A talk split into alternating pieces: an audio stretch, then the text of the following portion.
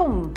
In een vorige webinar hebben we gesproken over de juiste ingesteldheid als ondernemer en hoe je je cashflow kan gaan plannen. Vandaag gaan we nog een stapje verder en bekijken we hoe je je cashflow kan optimaliseren. En dat is een vraag voor mijn gast vandaag, expert Dieter. Welkom. Ja, dat gezond en duurzaam ondernemen, vertel eens, wat is er belangrijk? Klopt. Als je jouw cashflow-prognose hebt bekeken, dan heb je ofwel vastgesteld dat je goed bezig bent, dat je winst Mhm. maakt, maar ook dan moet je als ondernemer de vraag stellen, wat kan nog beter?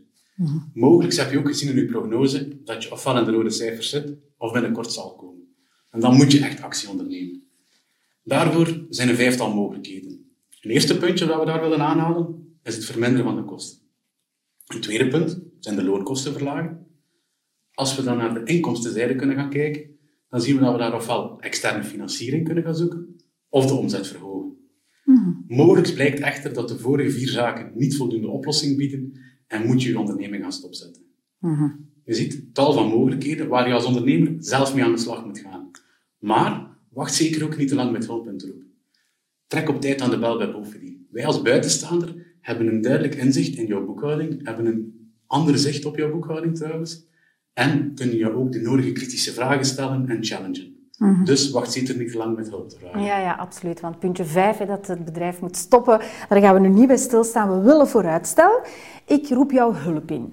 Hoe gaan we dan te werk? Ja, dan ga ik terugkomen op mijn eerste puntje, het belangrijkste punt.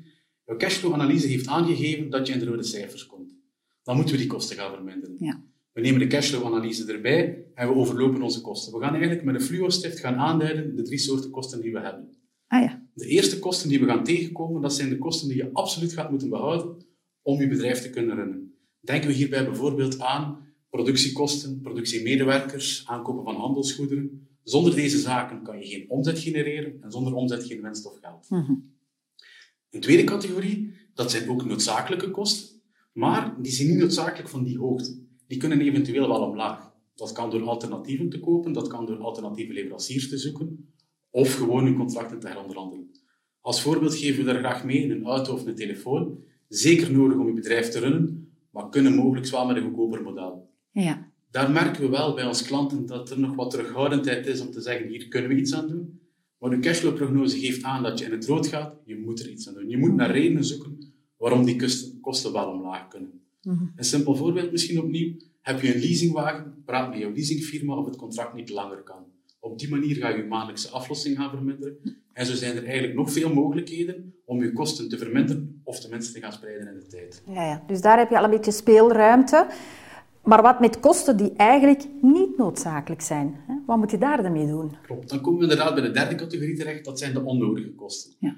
Gedurende de jaren, meestal in de jaren dat het goed gaat, bouwen zich een aantal kosten op die je als normaal gaat gaan beschouwen. Ze worden niet meer bekeken en ze lopen gewoon door de resultatenrekening. Maar in tijden dat het slechter gaat, moet je je de vraag durven stellen, kan ik me die vandaag nog permitteren? Opnieuw een voorbeeld, die bloemen aan het onthaal, moeten dat wekelijks verse bloemen zijn? Die kranten, tijdschriften hebben we elk abonnement nog nodig. En zo moet je over elk puntje durven de vraag stellen, kunnen we dit vandaag nog betalen? Ook de zaken naar jouw personeel, toen het nog goed ging, moet elk personeelslid nog een onkostenvergoeding krijgen. Nu we wat meer van thuis uit werken, moeten we nog elke dag een werkvergoeding uitkeren. Je hoort het tal van mogelijkheden om eigenlijk te gaan kijken, wat is nog nodig? En daar moet je echt durven een vraag stellen, wat hebben we vandaag nodig om nog verder te kunnen werken? Ja, het is wel, je zegt het is een kwestie van durven. Hè? En natuurlijk ook durven daar een beslissing in te nemen. Maar het is niet omdat je een kost vandaag schrapt dat die in betere tijden niet kan terugkomen natuurlijk. Hè? Ja. Een heikel punt is ongetwijfeld die loonkosten.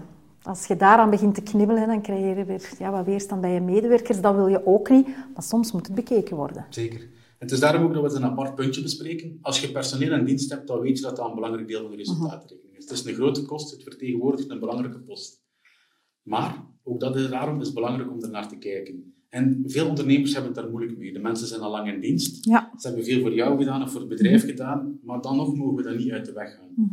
De overheid heeft momenteel wel tijdelijke werkloosheid in het leven geroepen, maar zoals het woord het zelf zegt, tijdelijk. Dus zijn jouw omzetproblemen van tijdelijke aard, kan je gerust gebruik maken van die tijdelijke werkloosheid tot als het weer beter gaat. Heb je echt het gevoel dat je omzet definitief een knauw heeft gekregen, dan moeten we echt naar meer permanente oplossingen gaan zoeken en moeten die personeelskosten echt omlaag. Tuurlijk, als je geen personeel in dienst hebt, wat moeten we dan doen, zou de vraag zijn. Ja, dan denk ik, en dat is misschien de moeilijkste stap, moet je als ondernemer durven je eigen loon in vraag stellen. Als je omzet echt gedaald is, dan moet vermoedelijk je eigen loon ook omlaag. En dan moeten we eigenlijk diezelfde analyse gaan maken als in de cashflow, naar jouw privéuitgaven, mm keuzes gaan maken en zien wat echt noodzakelijk is in je uitgaven. Ja, dat is niet leuk natuurlijk. Hè? Je denkt dat het een verworven recht is, maar je moet op een bewuste en gezonde manier natuurlijk ondernemen. Hè? Nog een stapje verder. Stel dat hè, je kosten verminderen niet genoeg is, wat dan? Dan moeten we eigenlijk gaan kijken naar de inkomstenzijde. We hebben nu twee methoden gezien om eigenlijk de mhm. uitgaven te gaan beperken. Maar inderdaad, mogelijk volstaat dat niet. En dan gaan we eigenlijk gaan kijken hoe kunnen we ons inkomsten gaan verhogen. Okay. Een mogelijke bron van inkomsten daar is externe financiering. Maar ook hier een kleine waarschuwing. Externe financiering is een heel gezond model als je een winstgevend bedrijf bent. Stel je bent een winstgevend bedrijf, maar door corona of een andere crisis mhm. kom je tijdelijk in geldnood, is externe financiering meestal de perfecte oplossing. Maar als het niet van tijdelijke aard is, uw probleem, en je gaat bijkomende schulden aan, kan je net mhm. je probleem eigenlijk gaan vergroten.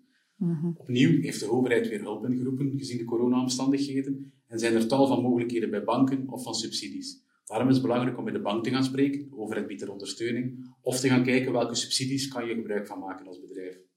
En niets weerhoudt er ook van om in deze tijden een investeerder te zoeken.